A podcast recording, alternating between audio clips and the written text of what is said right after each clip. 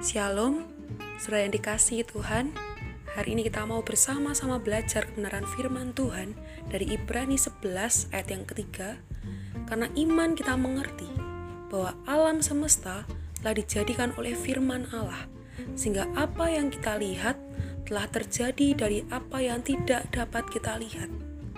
Kita mungkin memang bukan orang yang mengerti banyak hal. Kita bukan orang yang tahu semua hal karena memang panggilan kita sebagai orang Kristen bukanlah orang yang serba tahu ataupun orang yang serba bisa. Tetapi panggilan kita sebagai orang Kristen adalah dipanggil sebagai orang percaya. Dari ayat ini kita mengerti bahwa sebelum kita melihat janji Tuhan yang mungkin belum terlihat, kita harus dengan segenap hati percaya akan janji itu sendiri.